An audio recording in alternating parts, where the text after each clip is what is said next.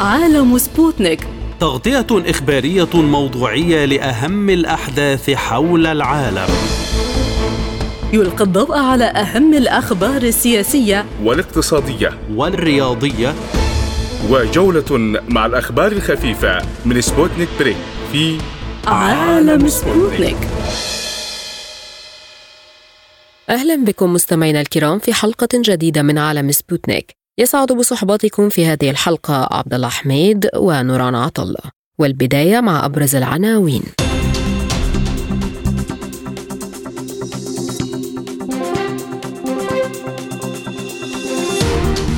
واشنطن تمنع مجلس الأمن من إصدار بيان بشأن مجزرة المساعدات في غزة. نتنياهو يقول إن الضغوط الدولية تتصاعد على إسرائيل لوقف الحرب في غزة. وزير الدفاع الأمريكي يقول إن إسرائيل قتلت أكثر من 25 ألف امرأة وطفل في غزة. زخروفة تعلق على تصريح وزير الدفاع الأمريكي بشأن الصدام المباشر بين روسيا والناتو.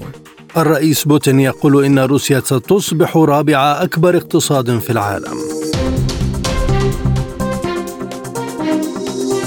إلى التفاصيل. منعت الولايات المتحدة الأمريكية مجلس الأمن الدولي من إصدار رد على قتل الجيش الإسرائيلي 112 فلسطينيا وإصابة 760 آخرين أثناء انتظارهم المساعدات الإنسانية في قطاع غزة. وعقد المجلس جلسة في مقر الأمم المتحدة بنيويورك لمناقشة مسألة إصدار الدول الأعضاء بيانا ردا على الهجوم على قافلة المساعدات الإنسانية عند دوار النابلسي بمدينة غزة. لم يصدر أي بيان عقب الجلسة المغلقة للمجلس. ورفضت ممثلة الولايات المتحدة الأمريكية الدائمة في مجلس الأمن النص التفاوضي الذي يتضمن عبارات انتقاد لإسرائيل. وتضمن النص أن أعضاء المجلس يعربون عن قلقهم العميق إزاء التقارير التي تفيد بمقتل أكثر من 100 شخص وإصابة حوالي 750 آخرين جراء فتح القوات الإسرائيلية النار على حشد من الناس. كانوا ينتظرون المساعدات الغذائية في جنوب غرب مدينة غزة. كما دعا النص إلى تجنيب حرمان المدنيين في قطاع غزة من الخدمات الأساسية والمساعدات الإنسانية التي لا غنى عنها من أجل البقاء على قيد الحياة ذلك بما يتناسب مع القانون الإنساني الدولي. ودعا النص إسرائيل إلى إبقاء المعابر الحدودية مفتوحة للسماح بدخول المساعدات الإنسانية إلى قطاع غزة وتسهيل فتح معابر إضافية لتلبية الاحتياجات الإنسانية على نطاق واسع.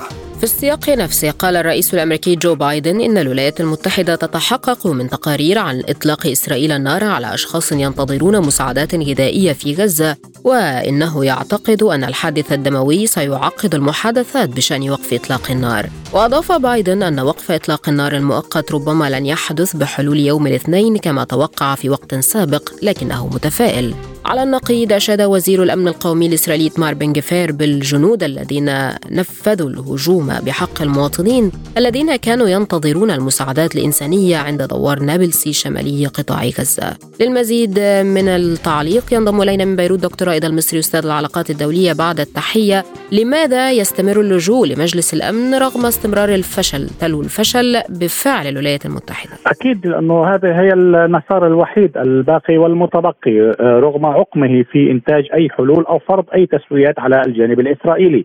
والذي يرتكب كل يوم مجزرة تقريبا. ليس هناك إرادة على ما يبدو لا دولية ولا غربية ولا إقليمية ولا عربية ولا إسلامية. تستطيع أن توقف الجانب الإسرائيلي عن هذه الارتكابات الوحشية بحق الشعب الفلسطيني حكما.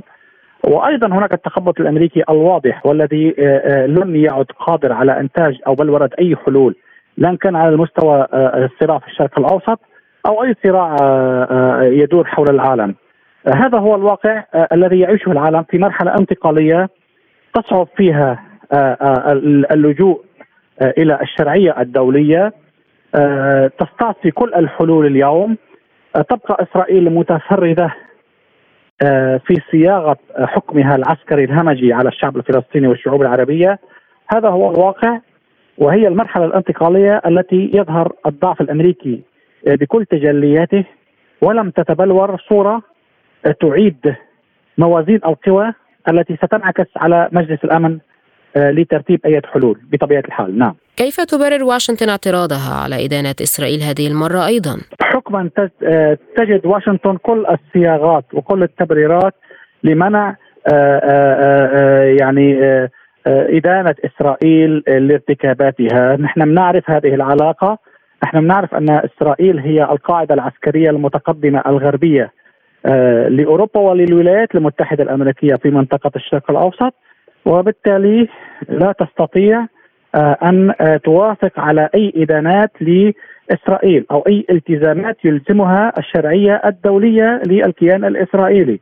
هذا واضح. آه، وبالتالي أنا أعتقد أنه نحن طالما أننا في في ظل موازين قوى دولية متعثرة غير واضحة خصوصا من الجانب الأمريكي معنى ذلك أن التخبط سيبقى سيد الموقف على هذا المستوى آه، آه، آه، خصوصا ما يتعلق بالصراع العربي الإسرائيلي. هناك تناقض واضح بين تصريحات بايدن التي يعترف بها بالمجزرة وبين الدعم الاعمى لإسرائيل، كيف يمكن أن يؤثر ذلك على في الداخل الأمريكي؟ هلأ من الواضح أنه التناقضات الأمريكية كانت بالأساس منذ بدء عملية 7 أكتوبر.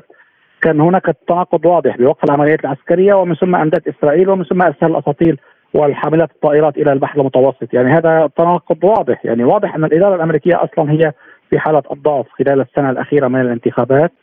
هي غير قادرة على إدانة إسرائيل أو الإمساك بلجامها خشية من نتائج الانتخابات أو من أن يؤثر ذلك على الانتخابات الرئاسية المقبلة. وأيضا هناك خسارة على المستوى الأوروبي وعلى المستوى العالمي بالدبلوماسية الأمريكية هذا أيضا سيحبط هذه الدبلوماسية الأمريكية وسيشلها حول العالم وأيضا سيؤثر على الانتخابات. أنا أعتقد أن هذه الحرب بكل تلاوينها وكل مندرجاتها التي قادها نتنياهو آه، قاد معها الانتخابات الأمريكية بقيادة أو برئاسة آه، بايدن إلى آه، المجهول لا بل أكثر من ذلك أن أعتقد أن يعني مستقبل بايدن في الحصول على ولاية ثانية يعني صارت صعبة على هذا المستوى بحسب استطلاعات الرأي العام آه، رغم أن البعض يشير ببعض الولايات إلى تقدمه لكن أنا أعتقد أن أن حظوظ بايدن باتت آه، بعيدة جدا. ما هو تأثير هذا الحادث على المفاوضات كما يقول بايدن ولماذا يمكن أن يتأخر الاتفاق حول الهدنة القادمة؟ آه، حكما لأنه هذه المجزرة هي جزء من ارتكابات إسرائيل، معنى ذلك أنها لا تريد أن تدخل في عملية تفاوض، ومعنى ذلك أنها تريد أن ترسل رسائل دموية إلى الشعب الإسرائيلي آه، بأن حكومة نتنياهو المتطرفة هي قادرة على السيطرة على الموضوع العسكري آه، آه، بكل ما يلزم وهذا بطبيعة الحال نتيجة التسلط وعدم الانضباط وعدم محاسبة الكيان الإسرائيلي من على جرائمه التي ارتكبها بحق الشعب الفلسطيني. هذا كله طبعا سيؤثر على عملية التفاوض أو إقامة الهدنة أو تبادل الاسرى. يعني كل ذلك مرتبط بحجم العمليات العسكرية آه، الخطيرة والارتكابات التي ترتكبها إسرائيل على هذا الجانب وبطبيعة الحال على الجانب العربي أن لا يقبل بهذا النوع من هذه الصفقات المشبوهة والتي تعطي لإسرائيل الحق في القتل اليومي الهمجي بحق الشعب الفلسطيني.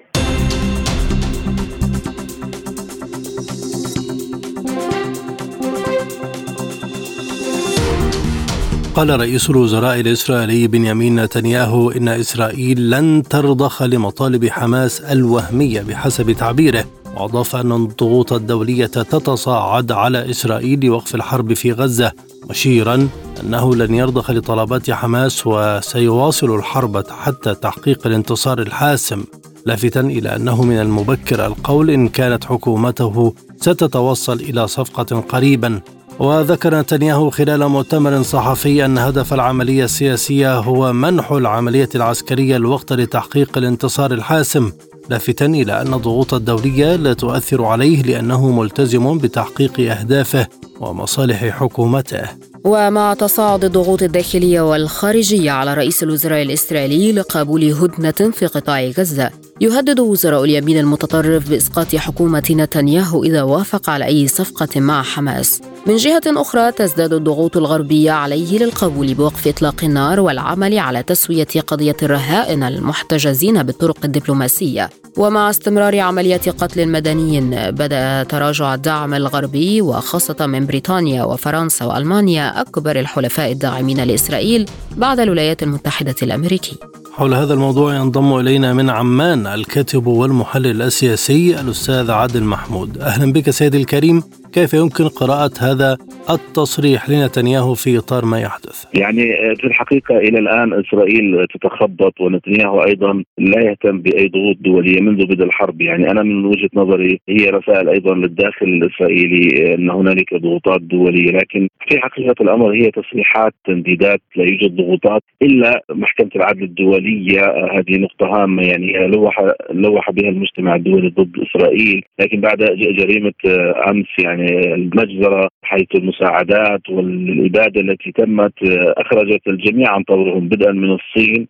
وأوروبا والدول العربية. يعني واضح أن الإسرائيليين مستمرين. هذه أنا بالنسبة لي تصريحات نتنياهو أن هنالك ضغوطات. طبعا في ضغوطات لأن المشهد بدأ بالنسبة لراعي الحرب الولايات المتحدة الأمريكية غير واضح نتيجة الفشل. يعني إلى الآن حتى ما وراء حرب غزة التحضير لحكومة فلسطينية تلقرات أنا من وجهة نظري ستفشل كل الحلول التي وضعتها الولايات المتحدة الأمريكية سياسية. لقطف ثمار حرب غزة التي واضح سندخل حتى رمضان وتستمر الحرب رغم الادعاءات أن هنالك محاولات دبلوماسية دولية ضاغطة أن لا يكون خلال فترة رمضان حرب لكن واضح حتى خطة رفح وجاهزة واضح الإسرائيليين لديهم خيار صعب صعب التراجع إلى الخلف ووقف الحرب وأيضا التقدم إلى الامام لأن الاستمرار سيدخل إسرائيل في مستنقع غزة أكثر. إلى الآن من وجهة نظري حين يتم إلى الآن محاورة حماس إذا حماس موجودة. أنا أقصد على صعيد المفاوضات. إذا لم تنجح إسرائيل عسكريا في اجتياح غزة ككل وطرد قادة حماس أو القضاء على حماس. واضح أن المقاومة صامدة والشعب يتحمل ضريبة الأعداد من القتلى وأيضا الجرحى. والآن دخلنا حرب المجاعة. لكن إن كان هناك أي ضغوط كما يقول نتنياهو ومن دول كبرى لماذا لم تؤتي ثمارها؟ هل نتنياهو أقوى من زعماء تلك الدول؟ هي في الحقيقة منذ بدء الحرب هي الدول نفسها التي أعطت الضوء الأخضر والآن تتحمل مسؤوليتها أنها تورطت مع نتنياهو لأن الإسرائيليين لا يوجد لديهم سوى هدف واحد هو القتل. يعني ما تم الآن هو قتل المدنيين. لذلك يحاول المجتمع الدولي من خلال الضغوطات الإخراج نفسه من الورطة مسؤولية بايدن اولا حين قال نريد بعد 7 أكتوبر بأيام قال نريد رد حاسم والقضاء على حماس قال بلينكن اليوم تترجع بالشكل بالاخر أمريكا والاتحاد الأوروبي والذهاب حتى بمشروع جديد وهو حل الدولتين وحاد الجانب بالقبول بحل الدولتين يعني الاعتراف اعتراف بالدولة الفلسطينية. أنا من وجهة نظري نتيجة الفشل نتيجة أن نتنياهو وجد استرخاء من المجتمع الدولي. أكثر من مجزرة دوار النابلسي امس في في غزة. لا يوجد إبادة ولا إنسانية. إذا نحن أمام عنجهيه إسرائيلية في الحقيقة ضغوطات دولية حقيقة ملموسة لم نرى حتى من الدول الدول العربية التي لها علاقات سلام لم يكن سوى التنديد والضغط الدبلوماسي والدعوات والمطالبات لم يكن هنالك خطوات حقيقية لإيقاف وقف إطلاق النار، الآن الولايات المتحدة الأمريكية تتأرجح ب... ب...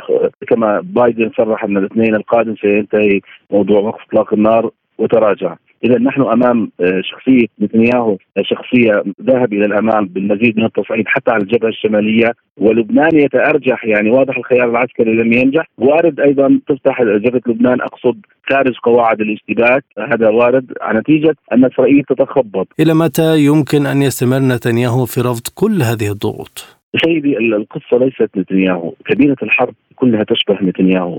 هؤلاء دخلوا هدف استراتيجي وحيد. إلى الآن لماذا لا نرى نتائج سياسية وعسكرية ملموسة من حرب غزة؟ لأن الهدف الاستراتيجي وجدوا مظلة دولية لاغتيال الشعب الفلسطيني لاغتيال الهوية الفلسطينية. عدا ذلك لا يوجد أهداف لإسرائيل. لذلك الحرب مفتوحة. أنا من وجهة نظري من المبكر أن نقول ذاهبين إلى هدنة. كل ما جرى هو إلهاء للجميع. صحيح أنه ملف المفاوضات أو الهدنة مفتوح باب ماراثوني. لكن لا أحد لديه الإرادة الدولية الحقيقية لإيقاف حمام الدم. لذلك سنجتاز حتى رمضان وربما تدخل الضفة الغربية وأيضا القدس آه، أثناء رمضان. يعني أثناء دعوة هنية كانت هناك كلمات لفتح معركة جديدة. لكن هل يوجد ضمانات أن يتحمل الضفة الغربية والقدس أيضا على الداخل الإسرائيلي في الدرجة الأولى قبل سكان الضفة الغربية والفلسطينيين، هل تتحمل إسرائيل فتح جبهة داخلية انتفاضة جديدة؟ أستبعد ذلك، لذلك كل السيناريوهات مفتوحة، الفشل الذريع لرعاة الحرب بدلا من كابينة الحرب الإسرائيلية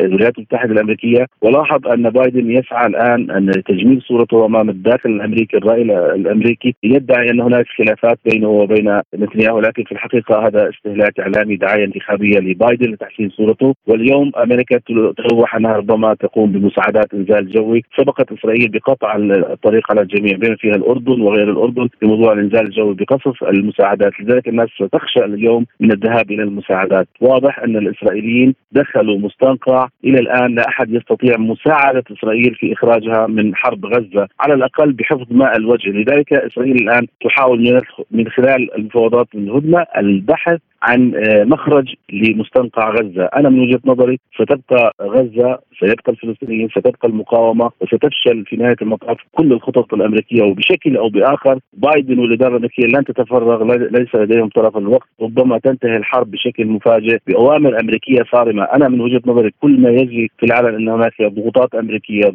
مطالب أمريكية أستبعد. راعي الحرب الحقيقي هو من يقول الآن وقف إطلاق النار هي الولايات المتحدة الأمريكية. برأيك هل تغير موقف بريطانيا وفرنسا وألمانيا أكثر الدول الداعمة لإسرائيل بعد الولايات المتحدة. وكيف يمكن أن يؤثر هذا الأمر؟ طبعا بريطانيا إذا نظرنا إلى شكل البرلمان البريطاني الجديد لمجلس العموم آه، ربما يكون هناك أداء لاسرائيل كما صرحت الصحافة البريطانية، فرنسا ليس لديها تأثير قوي جدا، لكن أرجح بريطانيا وهي الجناح السياسي في موضوع أينما تذهب أمريكا في في حرب غزة أو حتى حرب الحوثيين. لها تأثير والدليل أنها لم تذهب مع أمريكا في موضوع صدام مع الميليشيات في العراق وسوريا، لذلك تم التهدئة بقوة ونفوذ بريطاني وليس الميليشيات تراجعت بعد قصف حزب الله. أنا أنا أستعين بمثال أن بريطانيا لها تأثير. نعم تأثير ولكن صامت. يعني هي من الدول التي تعمل سياستها بصمت ولها تأثير. لكن أن تذهب بريطانيا وفرنسا احادي الجانب بالاعتراف بالدولة الفلسطينية هذا ورقه ضغط فقط لإسرائيل. لن يتم هذا الأمر. لن يكون هناك حل دولتين احادي الجانب. بالنسبة للموقف الأمريكي عرف العالم أن التصريحات شيء والدعم العملي شيء آخر. فكيف يمكن قراءة موقف أمريكا وضغطها على إسرائيل حاليا؟ يعني القراءة الأولية أن بدأت أمريكا تحاول إخراج نفسها إنقاذ نفسها من خلال آه، تبييض صورة بايدن من خلال التلويح بموضوع المساعدات موضوع وزير الدفاع الأمريكي حين يقول آه، قتل 25 ألف طفل وامرأة. إذا أين حماس؟ أين المقاتلين؟ إذا القتلى 30 ألف. إذا نحن أمام مشهد أمريكي إذا وزير الدفاع الخارجية الأمريكية التي تلوح بأنها ربما تعترف بالدولة الفلسطينية، موضوع آه، أن أعداد القتلى في ازدياد هذا تصريح أمس، موضوع التعليق على دوار نابلسي المجزرة أنه خطير، كان الممكن وأشك في ذلك يعني كما آه، لجنة التحقيق في مستشفى المداني ذهبت في مهب الريح، أيضا المطالبات الدولية الفرنسية البريطانية الأمريكية بلجنة التحقيق في موضوع مجزرة الأمس. أيضا سيذهب مهب الريح، اذا نحن أمام تأثيرات أمريكية لإنهاء الحرب قريبا. إذا بقيت إسرائيل لا تلجأ إلى أسلوب حصد أي ثمار سياسية لأن أمريكا في خطتها لا لا نزوح. لا تجزئة لا احتلال آه، غزة، اذا ما هو الهدف السياسي الحقيقي من وراء حرب غزة؟ هل جنت الولايات المتحدة الأمريكية ثمارها؟ أستبعد ذلك، لذلك سنرى قريبا كل الخطط التي تم إعلانها من خلال بلينكن وعرضت على الدول العربية والدول العربية تبرعت بطرح ورقة اجهاده غزة، إعادة إعمار غزة، آه، غزة منزوعة السلاح، موضوع حكومة التنقلات، هذا سيفشل لأن الأهداف الاستراتيجية لم تتحقق في حرب غزة ولم يتم القضاء على حماس، الهدف الرئيسي نعود له وهو القضاء على حماس لم يتم وطالما لم يتم لن تحقق أهدافها أمريكا، لذلك الضغوطات هي على إسرائيل لعدم التوسع أكثر في جبهة الشمال الإسرائيلي وأيضا الاستمرار في مستنقع غزة.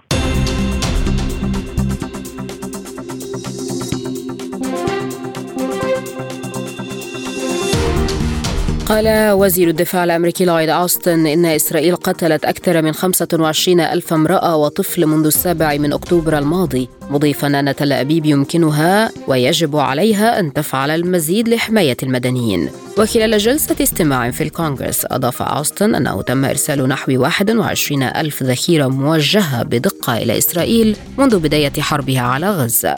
وفي محاولة للتغطية على هذا الاعتراف الرسمي الأمريكي حيث كان أوستن أعلى مسؤول أمريكي يؤكد مثل هذه الأرقام المرعبة سارع البنتاغون إلى إصدار توضيح مفاده أن أوستن كان يستشهد بتقدير من وزارة الصحة التي تسيطر عليها حماس بأن أكثر من 25 ألف فلسطيني قتلوا في غزة. تأتي تصريحات وزير الدفاع الأمريكي فيما تجاوزت حصيلة القتلى الذين ارتقوا في قطاع غزة نتيجة الحرب التي تشنها إسرائيل منذ السابع من أكتوبر عتبة الثلاثين ألفا غالبيتهم من النساء والأطفال وفق إحصائية رسمية أعلنت عنها وزارة الصحة الفلسطينية في القطاع. حول هذا الموضوع ينضم إلينا من الناصرة الكاتب والمحلل السياسي الأستاذ سهيل دياب. أهلا بك سيد الكريم. ألا يعتبر ذلك اعترافا صريحا لأول مرة بعدد القتلى من المدنيين بينما ظلت أمريكا تشكك دائما في الأرقام؟ أولا تحياتي لك ولجميع المستمعات والمستمعين. صحيح أن هذا يعني يعتبر اعترافا ولكن متأخرا يعني حوالي خمسة أشهر وهذا خلال خمسة أشهر لو تدخلت الولايات المتحدة بالأدوات التي بين يديها للضغط على إسرائيل لما كان هذا الرقم ولما ولما وصلنا إلى مثل هذه الأرقام. فلذلك على الولايات المتحدة أن لا فقط تعرض النتيجة والأرقام وهي تعرضها أمام الضغط الجماهيري الواسع عالميا ومحليا في الولايات المتحدة وخاصة في أوساط الحزب الديمقراطي. وإنما كان عليها من المفروض أن تعتذر إضافة إلى هذا التصريح أن الولايات المتحدة لم تعمل الكفاية من أجل ذلك وأمامها إمكانية تصليح حتى هذا الخطأ. الكبير ويعني رفع يدها على مثل هذا العدوان الذي شاركت به كل الوقت. فلذلك التقييم بالسؤال صحيح أنها اعتراف لأول مرة ولكن هذا العيب. في نفس التصريح أعلن أوستن عن نحو 21 ألف ذخيرة موجهة بدقة إلى إسرائيل منذ بداية الحرب. ألا يعد ذلك مشاركة واضحة في جرائم قتل المدنيين؟ لا يوجد اثنين في العالم يختلفان أن الولايات المتحدة هي ليست فقط شريكة في هذا العدوان وإنما هي أيضا تحتاج لنتائج هذا العدوان حسب ما خططته مع إسرائيل باليوم الثاني بعد 7 أكتوبر، فلذلك هنالك كان مصالح أمريكية مباشرة ولكن حساباتها كانت خاطئة في الانخراط بمثل هذا العدوان، الولايات المتحدة هي شريكة هي وضعت الخطط بالمشاركة مع إسرائيل، توقعت أمور أخرى تساعدها استراتيجيا في الإقليم وأمام الانتخابات بايدن القادمة، لكن مثل ما بقول المثل الفلسطيني ما أجتش العتمه على قد يد الحرامي، فخططوا لشيء وحصلوا على شيء ثاني اليوم الولايات المتحدة تدفع ثمن هذا الانخراط وهي ستدفع أكثر فيما إذا لو لم تصلح هذا الأمر وبدأت خسارة كبيرة لمدة عقود من الزمن وليس لفترة قصيرة، الرأي العام العالمي بالعالم العربي بالعالم الإسلامي وفي الع... وفي أجزاء واسعة بالعالم الغربي. بما في ذلك الولايات المتحدة بات يكفر بالمفهوم السياسي بالرؤية الأمريكية ومدى كذب الرواية الإسرائيلية والرواية الأمريكية بكل ما يتعلق ليس فقط في العدوان على غزة وإنما بدأوا يشككون حتى في كثير من السياسات الأمريكية في العالم بما في ذلك أوكرانيا. هذه المشاركة في الحرب على غزة كيف يمكن أن تمر بالنسبة للقوانين الأمريكية؟ برأيي أن ما زال في الولايات المتحدة دولة عميقة برأيي، والدولة العميقة أيضا تعمل حساباتها يعني وتعيد حساباتها. ورأينا بتاريخ الولايات المتحدة الحديث بعض المواقف البراغماتية التي قامت بها الولايات المتحدة ولكن كثير من الأحيان بعد فوات الأوان رأيناها عندما تصل إلى قناعة أن وجودها في أفغانستان بدأ يضر بمصالح الاستراتيجية انسحبت من هناك كذلك في العراق في الفترة الأولى في أماكن أخرى في العالم. ما زال في الولايات المتحدة هناك دولة عميقة إضافة إلى السياسيين وإلى ذلك ونرى وجهات النظر المختلفة حتى اليوم بين رؤية البنتاغون ومجلس الأمن القومي الأمريكي وما بين السياسيين مثل بايدن وبلينكن وآخرين. فلذلك آه، آه، برأيي إنه ما زال هناك الدولة العميقة. عاجلا أم اجلا آه، سيصلون إلى الاستنتاج أن أمام الولايات المتحدة إمكانيتين. إما أن تذهب بمعادلة صفرية في الرؤية العالمية والإقليمية والمحلية بالنسبة لعدوان غزة. وهذا سيؤدي إلى خسارات إضافية بحسب رأيي وقراءتي الدولية وما يجري في العالم منذ بداية العدوان الأطلسي في أوكرانيا. وإما أن تتراجع وتبدا تدفع جزء من ثمن هذا الانخراط محليا وأيضا اقليميا. وتبدأ تعترف أنها لا تستطيع أن تهيمن على هذا العالم أكثر وأن العالم ذاهب باتجاه تعدد الأقطاب. وعليها أن تعترف أن عالم الشرق وعالم الجنوب هو جزء أساسي من العالم القادم والعالم بات لا يؤمن فقط بالرؤية الغربية وبالثقافة الغربية وبالهيمنة الغربية بكل نواحي الحياة اقتصاديا واجتماعيا واخلاقيا وحياتيا وثقافيا وما إلى ذلك. نحن على مفترق طرق تجربة أوكرانيا وتجربة غزة تجربتين بارزتين وعلامتين مميزتين في كيفية الانتقال من هذا العالم أحادي الهيمنة والمتوحش والغير أخلاقي ولسنا كنا بحاجة إلى عدوان غزة لنعرف مدى هذه الوحشية وهذه الأخلاق المتدنية. إذا ربطنا هذه التصريحات بالعملية الانتخابية نهاية العام، كيف يمكن قراءة التأثير القادم من هذه التصريحات الصادمة؟ كل الأبحاث الجديدة، كل أبحاث الجامعات والاستطلاعات في الولايات المتحدة تقول آه، مجتمعة منذ أكثر من شهر ونصف بنفس النتائج أن القضية الأولى التي تهم الشباب بين جيل 18 و24 في الولايات المتحدة هي آه، قضية السياسات الغربية والسياسات الأمريكية خاصة وقضية الفلسطينية بالشرق الأوسط. وهذا الأمر هو ليس عابرا ويعني انيا. وهذا تغير عميق حقيقي. وهناك من وصل إلى الاستنتاجات أن تركيبة الكونغرس القادم بعد عشر سنوات سيكون من هؤلاء الشباب الذين يكفرون بهذه السياسات الغربية والأمريكية المتبعة. وسيكون سيكونون مؤيدين للقضايا العادلة مثل القضية الفلسطينية مقابل الإسرائيليين.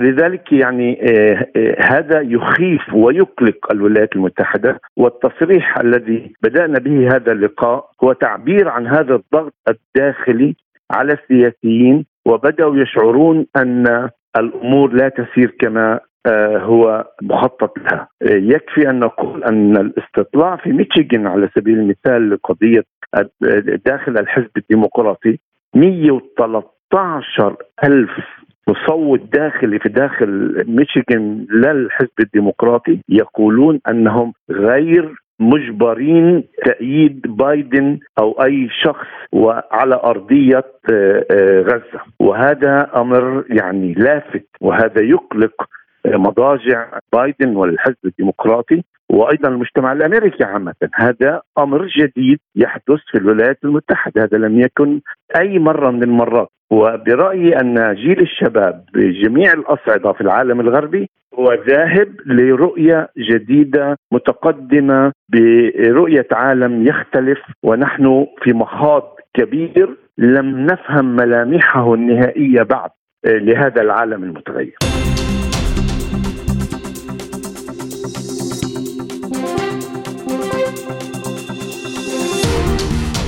وصفت المتحدثة باسم وزارة الخارجية الروسية ماريا زخاروفا تصريحات وزير الدفاع الأمريكي أوستن بشأن إمكانية اندلاع مواجهة عسكرية بالجنون وتساءلت زخاروفا في قناتها على تيليجرام تعليقا على تصريح أوستن بأن هزيمة أوكرانيا ستهدد بصدام عسكري مباشر بين روسيا وحلف شمال الأطلسي هل هذا تهديد مباشر لروسيا أم محاولة لإيجاد ذريعة لزيلينسكي؟ كان وزير الدفاع الأمريكي قد قال إنه يعتقد أن القيادة الروسية لن تتوقف في حال هزمت أوكرانيا. كذلك اعتبر أوستن أن تقدم الجيش الروسي ومواصلته الضغط مثير للقلق. وفي وقت سابق من الأسبوع الجاري أعلن الرئيس الفرنسي مانويل ماكرون أنه لا ينبغي استبعاد إرسال قوات غربية إلى أوكرانيا في المستقبل مشيرا إلى أنه لا يوجد إجماع على هذه الخطوة حاليا. وفي السنوات الأخيرة أعلنت روسيا عن نشاط غير مسبوق لحلف شمال الأطلسي على حدودها الغربية حيث يقوم الناتو بتوسيع مبادراته ضدها. وعربت موسكو مرارا عن قلقها إزاء حشد قوات التحالف في أوروبا. واشار الكرملين إلى أن روسيا لا تهدد احدا لكنها لن تتجاهل الأعمال التي قد تشكل خطرا على مصالحها. للمزيد من التعليق ينضم إلينا دكتور أسامة سماق المحلل السياسي من دمشق بعد التحية، هل يعني تصريح أوستن أن إعلان هزيمة أوكرانيا بات وشيكا وهذه التصريحات تمهد له؟ أعتقد أن الولايات المتحدة والغرب كان يعرف منذ بداية هذه الحرب أن لا يمكن لأوكرانيا أن تنتصر في هذه الحرب واعتقد أن كان يحاول آه، الغرب آه، بزعامة الولايات المتحدة الأمريكية أن كانوا يحاولون استنزاف روسيا. أما آه، مع علمهم ويقينهم بأن دولة عظمى كروسيا ثاني أقوى أقوى دولة في العالم لا يمكن هذه لا يمكن لدولة صغيرة كأوكرانيا أن تهزمها ولكن استغلوا بداية أو نشوب هذه الحرب من أجل استنزاف مقدرات روسيا العسكرية والاقتصادية ومحاولة إحداث تغيير مع المستوى السياسي الاجتماعي داخل آه، منظومة القيادة الروسية. وعندما فشلوا في محاولاتهم هذه كلها تقريبا في خلال السنتين الماضيتين من عمر هذه الحرب بدأوا يعترفون بأن لا يمكن لأوكرانيا آه، ان أن تنتصر على روسيا آه، رغم الوعود المتكررة والمتزاحمة التي آه، بدأوها مع بداية هذه الحرب من أن أمريكا وأوروبا سيسلحون أوكرانيا وسيدعمون أوكرانيا إلى الحد الذي تستطيع فيه كييف إحراز آه، أو تحقيق آه، مصر والحاق هزيمة استراتيجية بروسيا. يعني تبين الخيط الأبيض من الخيط الأسود وتبين كذب هذه الادعاءات التي لم تتجاوز كونها دعاية جوبلزيه حاولوا من خلالها التأثير على الداخل الروسي وتحريك الداخل الروسي ضد حكومته والتأكيد على صلابة الهيمنة الأمريكية في العالم وقدرة أمريكا على آه، تحقيق ما لا يحققه أحد على أساس انها الدولة الأعظم في العالم وعلى منع تشكيل نظام دولي جديد يعتمد على تعدديه القطبية. كل ذلك آه، تبين فشله آه، في مع نهاية السنة الثانية لمعارك أوكرانيا.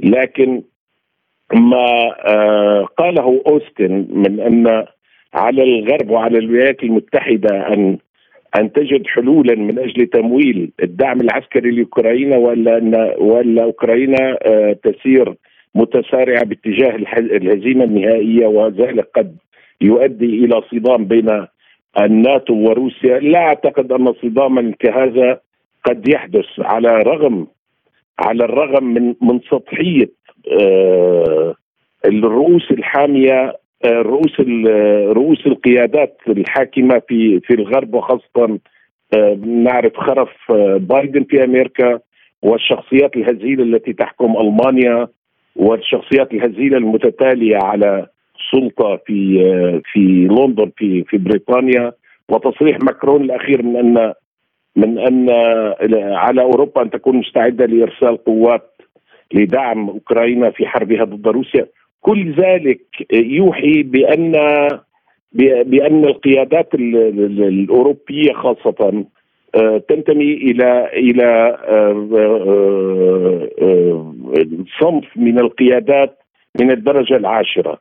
ان أن أن يحاولوا الاصطدام المباشر مع قوة نووية عظمى كروسيا وهي القوة النووية الأعظم في العالم. هذا يعني نهاية الحضارة البشرية كما أعلن بوتين في خطابه الأخير أمام الجمعية الفيدرالية.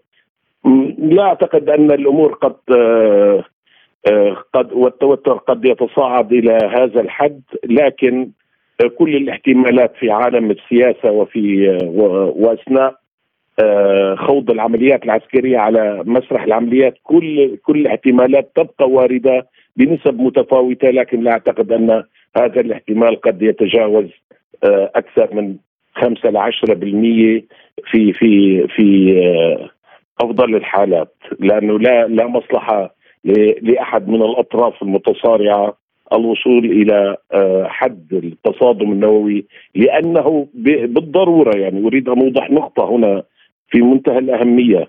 إن كان ماكرون وقاده الغرب يعتقدون بسبب سطحيتهم السياسية وجنونهم الذي انعكس في في العقوبات التي أدت إلى تراجع الاقتصاد الألماني، يعني العقوبات التي وجهوها على روسيا واستعملوها كسلاح ضد روسيا انعكست عليهم وكأنهم يطلقون النار على أنفسهم، مما يدل على سطحية الفكر السياسي الغربي في في هذه الأيام، إذا كانت هذه السطحية السياسية وهذه السذاجة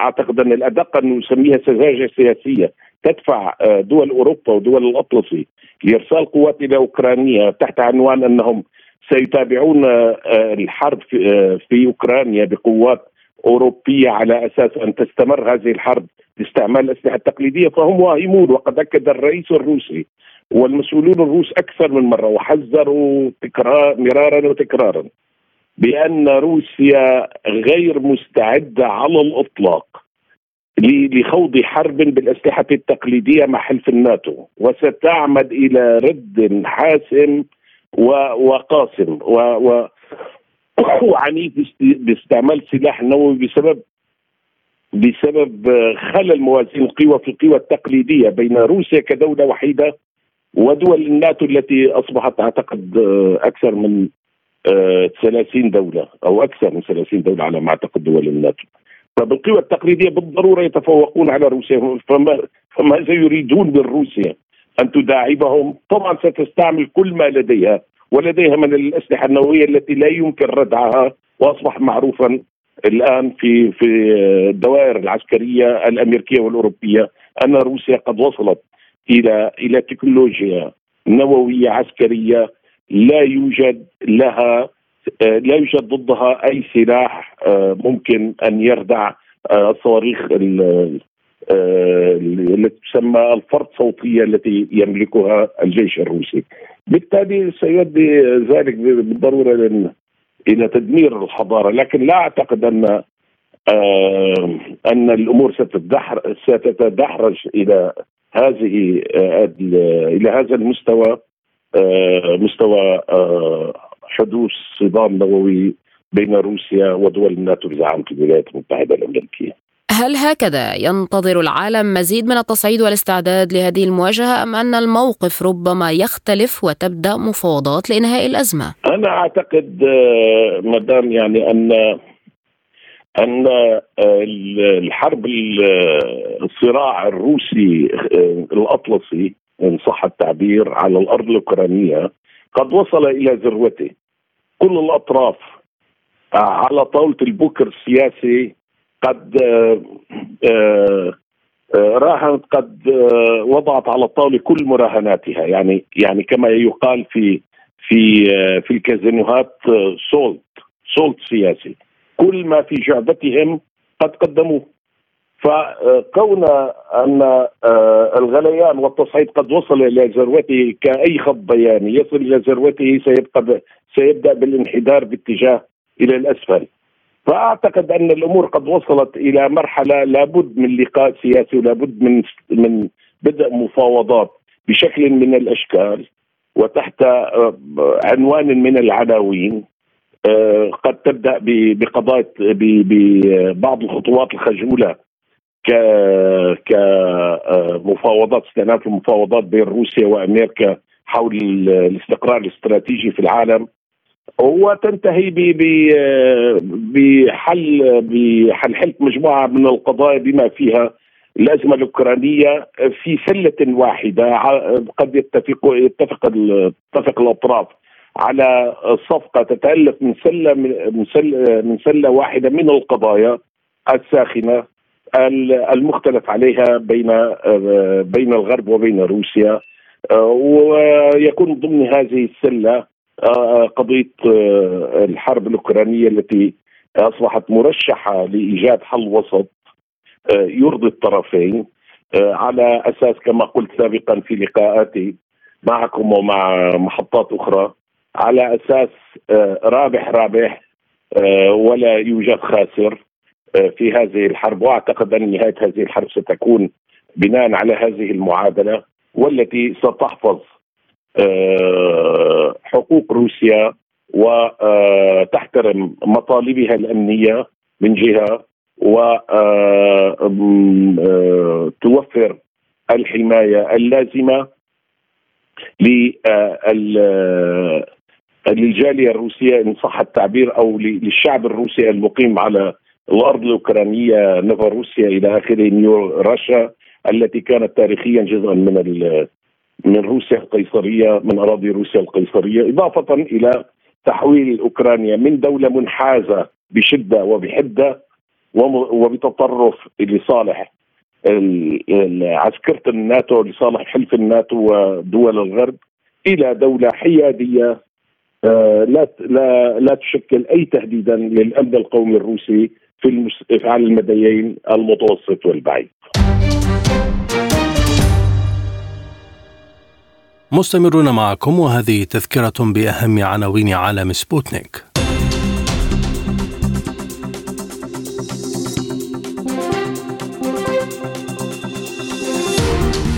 واشنطن تمنع مجلس الأمن من إصدار بيان بشأن مجزرة المساعدات في غزة. نتنياهو يقول إن الضغوط الدولية تتصاعد على إسرائيل لوقف الحرب في غزة.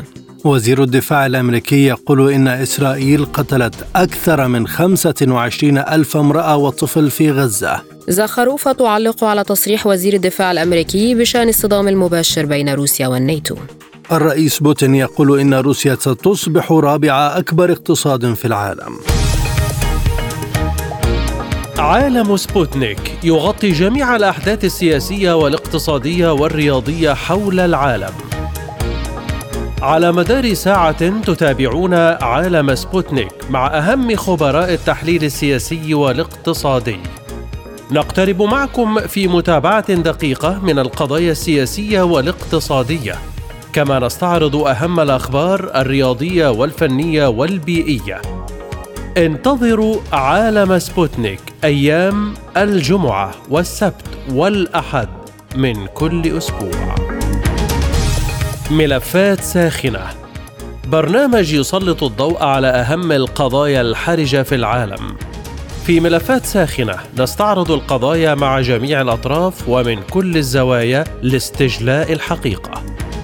ملفات ساخنة يستضيف أهم الخبراء وأجرأ الضيوف. تابعوا ملفات ساخنة مع راديو سبوتنيك أيام السبت والثلاثاء والخميس من كل أسبوع. أهلا بكم مجددا.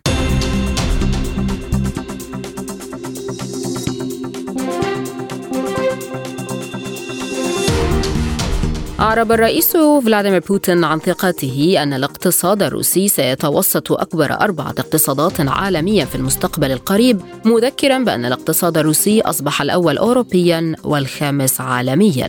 وأشار بوتين في كلمة أمام أعضاء الجمعية الفيدرالية الروسية إلى أن الاقتصاد الروسي نما في العام الماضي 2023 بوتيرة أعلى من نمو الاقتصاد العالمي ودول مجموعة السبع الكبار. وقال الرئيس الروسي إن روسيا تعد اليوم أكبر اقتصاد في أوروبا من حيث الناتج المحلي الإجمالي بناء على معيار تعادل القوى الشرائية والخامسة على مستوى العالم. وتسمح وتيرة النمو في الاعتقاد أن روسيا ستصبح رابع أكبر اقتصاد في العالم. وفي منتصف الشهر الجاري أعلن الرئيس الروسي أن الاقتصاد الروسي في العام الماضي سجل نموا أعلى من المتوسط العالمي ولفت إلى أن الناتج المحلي الإجمالي للبلاد نما بنسبة 3.6% في العام الماضي. وقبل نحو شهر أقر صندوق النقد الدولي أن الاقتصاد الروسي يظهر معدلات نمو أفضل من المتوقع على الرغم من القيود المفروضة عليه على خلفية الأزمة الأوكرانية. وحسن صندوق النقد الدولي في تقريره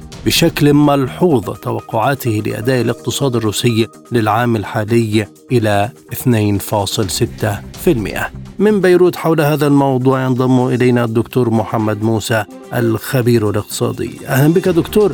كيف يمكن قراءة الأرقام التي تحدث عنها الرئيس بوتين ومنها أن روسيا أكبر اقتصاد في أوروبا من حيث الناتج المحلي الإجمالي والخامسة على مستوى العالم؟ لا شك أن الرئيس بوتين ينطلق من جملة معايير تشير إليها الأرقام الفعلية. هذه الأرقام كانت واضحة بأكثر من إحصائية دولية منذ بداية 23 حتى نهايته وقدوم ال 24 هذه الأمور واضحة بتكيف الاقتصاد الروسي وانتعاشه. نتحدث عن ناتج قومي محلي آه، يرتفع.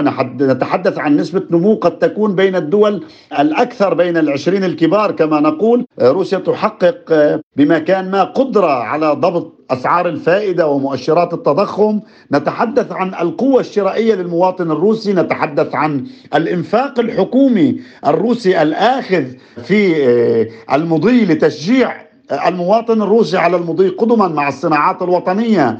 أكثر من ذلك أقول هناك قوة للروبل حوفظ عليها بالخطوات الفعالة للبنك المركزي الروسي. كل هذه الأمور تشير إلى أن الاقتصاد الروسي برغم العقوبات ولا ننسى أن روسيا منذ شباط 22 هي أمام عقوبات غربية متلاحقة سلسلة فاقت 11 أو 12 مرة. عقوبات متتالية ولا زال الاقتصاد الروسي قادرا على الحفاظ على نفسه لا بل أكثر. كما نقول رب ضارة نافعة ورب محنة انقلبت إلى منحة. هكذا تعاملت القيادة الروسية مع جملة أمور. نعم هناك ضغوطات ولكن لا زالت الأرقام ولغة الأرقام تشير إلى أن الاقتصاد الروسي لا زال يتعافى وها هي المؤشرات تقول بما لا يقبل الشك أن الاقتصاد الروسي في موقع مميز ضمن الاقتصادات الأوروبية كما أشار الرئيس بوتين. وإذا ما استمرت مسلسل العقوبات ومسلسل هذا الارتفاع الحاصل في التضخم وأسعار النفط وغيرها وكل انعكاساتها والتوجهات الروسية مستمره مع التكيف لا بل وإضافة اللمسة الاقتصادية التي تتعاون ضمن البوتقة الروسية للخروج بحلول قد نكون كما قال الرئيس بوتين إنه متفائل بأنه سيكون أحسن في الأيام القادمة وبالتالي الرهان الروسي على الأمل بغدا أفضل قد يكون محق أمام هذه المؤشرات الاقتصادية التي تتحدث عن تقدم الاقتصاد الروسي بين أول خمس اقتصادات في العالم. ماذا يعني اعتراف صندوق النقد الدولي بأن الاقتصاد الروسي يظهر معدلات نمو أفضل من المتوقع؟ لا شك أن المؤسسات الدولية المعنية نتحدث عن البنك الدولي نتحدث عن صندوق النقد نتحدث عن بنك التسويات الدولية. عن كل هذه المؤسسات الدولية لا تستطيع ابدا أن تغفل الأرقام أو أن تقفز من فوقها. واضح أن الاقتصاد الروسي تكيف مع العقوبات. واضح أنه عزز علاقته بالتوجه شرقا نحو الصين والهند. التبادل بالعملات الوطنية الذي كان الفيصل في تقدم الاقتصاد الروسي وبعده عن الدولار الأمريكي الامريكي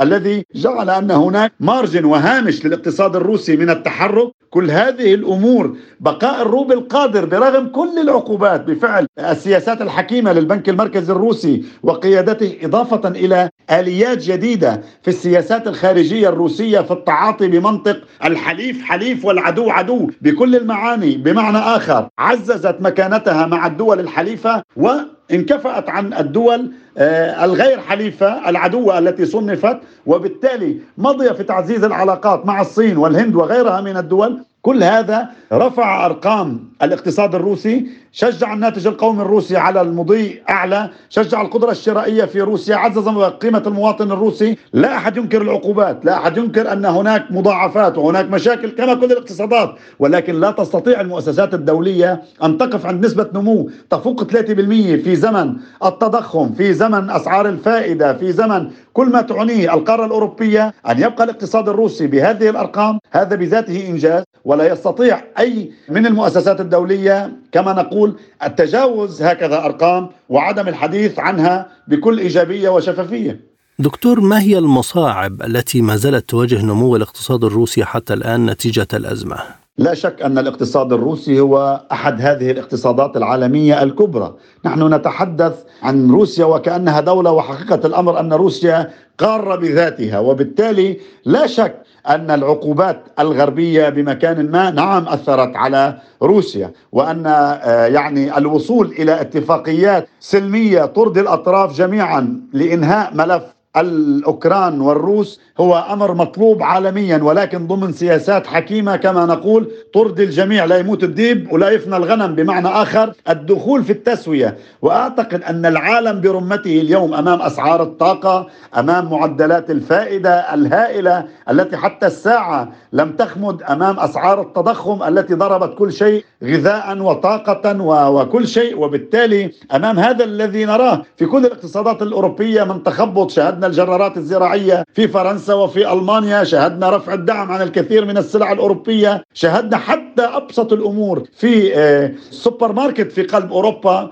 من قنينة الزيت آه، النباتي وصولا إلى قنينة الزيت التي تعبى في السيارات. أصبحت عبء وثقل على المواطن الأوروبي. كل هذه العقوبات نعم أثرت على المواطن الروسي كما كل الأوروبيين ولكن بقاء عدم وجود حل سياسي دبلوماسي قادر على إراحة روسيا والقارة الأوروبية أعتقد هو من ضمن العقوبات التي تحول دون التعاون الروسي الأوروبي وهنا ضربت أمريكا ضربتها كما نقول. أكثر من ذلك أقول يحتاج الاقتصاد الروسي إلى تفعيل علاقاته أكثر لا سيما على المستوى آه، الصناعي مع الصين والهند خاصة على المستوى التكنولوجي. ولا يخفى على أحد أن الاقتصاد الروسي اليوم يحتاج إلى تفعيل أكثر بكل دول بريكس. مع دول بريكس مسألة أساسية وهذا يتجلى ربما الاستكمال بالتبادل بالعملات الوطنية ضمن معايير العقلانية للحفاظ على العملات الوطنية الأساسية لكل الدول الوصول إلى قواسم مشتركة مع اقتصاد كبير كالاقتصاد الصيني والاقتصاد الهندي لوضع آليات من التعاون التجاري والصناعي والاقتصادي. كل هذه الأمور يحتاجها الاقتصاد الروسي ويبقى الفيصل هو مرونة الاقتصاد الروسي في التعاطي والإبقاء على الإجراءات الحكيمة للبنك المركزي الروسي وأعتقد أن الهدف المباشر قد يكون اليوم أحد العوائق ولكن يحتاج إلى مزيد من الوقت وهو المضي بخفض أسعار الفائدة وخفض معدلات التضخم وتاليا رفع نصيب الفرد الروسي من كما نقول آه، المعني سنويا لنهضة المواطن الروسي ضمن بوتقة الاقتصاد الروسي. ماذا فعلت روسيا لكي تتجاوز كل هذه العقوبات الأمريكية والأوروبية وتفشلها. أعتقد جازما أن الاقتصاد الروسي فاجأ الجميع بمدى مرونته، بمدى قدرته على التحكم بقراراته بالمعنى. الاقتصادي العام والمالي البحت والنقدي كانت هذه الإجراءات تدل على حكمة وكما نقول آه، كمن يكون محضر لهذه العقوبات، لا يستطيع أحد أن يمر على حاكمة البنك المركزي الروسي دون ما الإشادة بقراراتها الحكيمة، لا أحد يستطيع أن لا يقول أن الخارجية الروسية بهذه المرونة بالتعاطي كيف خلقت دينامية جديدة وآليات جديدة للتعاطي لتصريف إنتاجها، نحن نتحدث عن دولة هامشية، نحن نتحدث عن عملاق على مستوى الطاقة والغاز والعديد من السلع، وبالتالي استطاع الروسي بمكان ما موائمه أموره وتجاوز هذه العقوبات المتلاحقة، إن لجهة العقوبات المباشرة، إن لعقوبات التصدير، إن للعقوبات على السلع والأسمدة الزراعية، إن للعقوبات وتسقيف النفط الروسي، كل هذا تجاوزها الاقتصاد الروسي بحكمة، المسألة اليوم نناشد عبركم أن نكون أمام حل دبلوماسي يريح القارة العجوز التي باتت العقوبات يعني تثقل كاهلها وبمكان ما قد تشكل لبنة أساسية مع كل ما تكيف به الاقتصاد الروسي ضمن مناخ العقوبات قد تكون الحلول الدبلوماسية بمكان ما فاتحة جديدة للاقتصاد الروسي للمضي قدما نحو يعني ربما مراكز أعلى مما أشار إليها الرئيس البوتين مع قادم الأيام. والآن مستمعين إليكم جولة إخبارية حول العالم.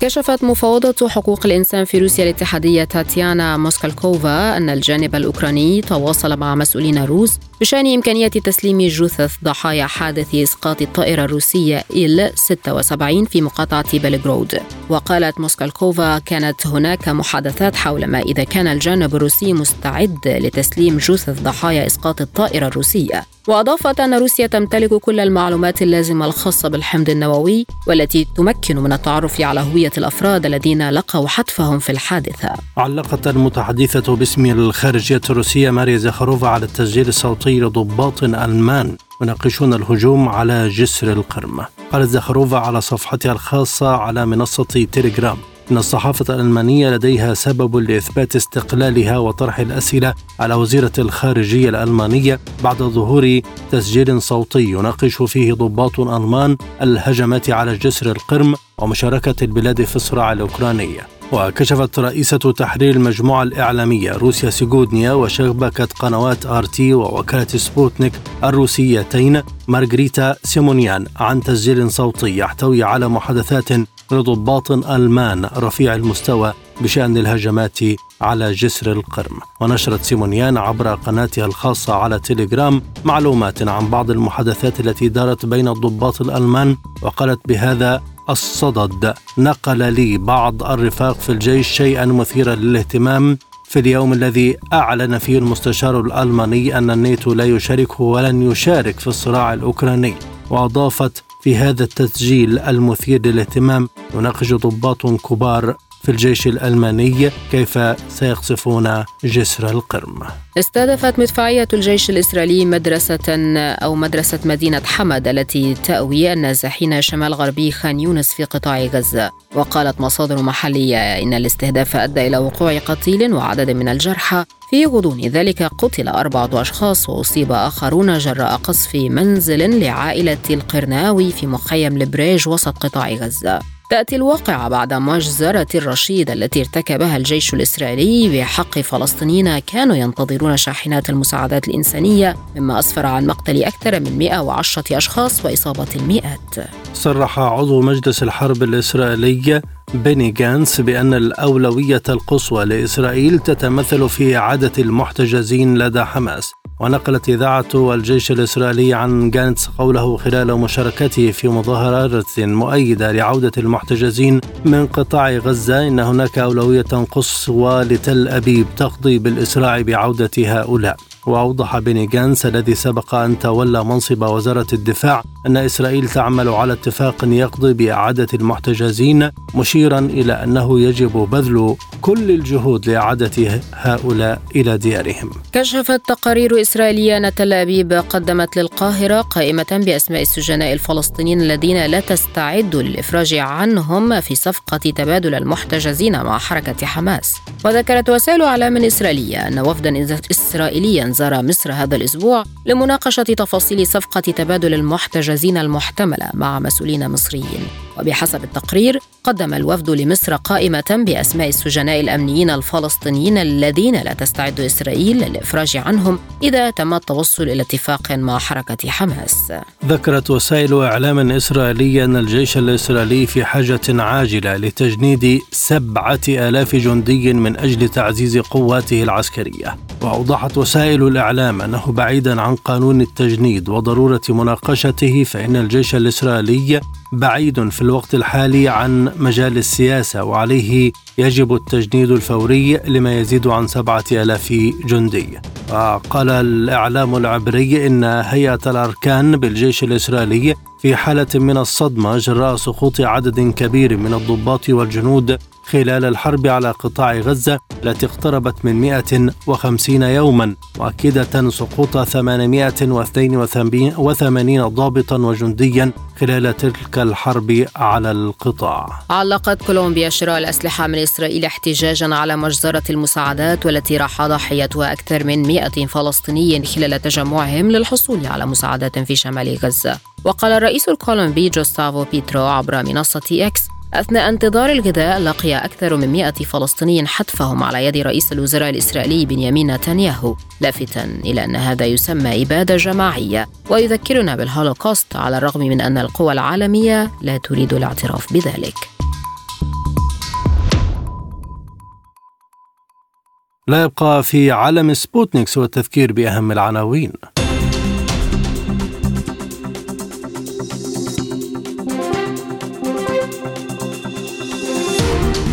واشنطن تمنع مجلس الأمن من إصدار بيان بشأن مجزرة المساعدات في غزة.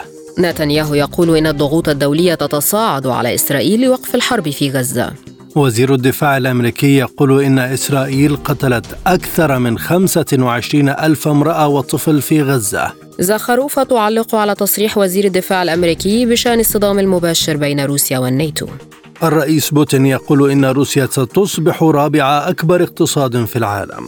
للمزيد زوروا موقعنا عبر سبوتنيك إلى اللقاء.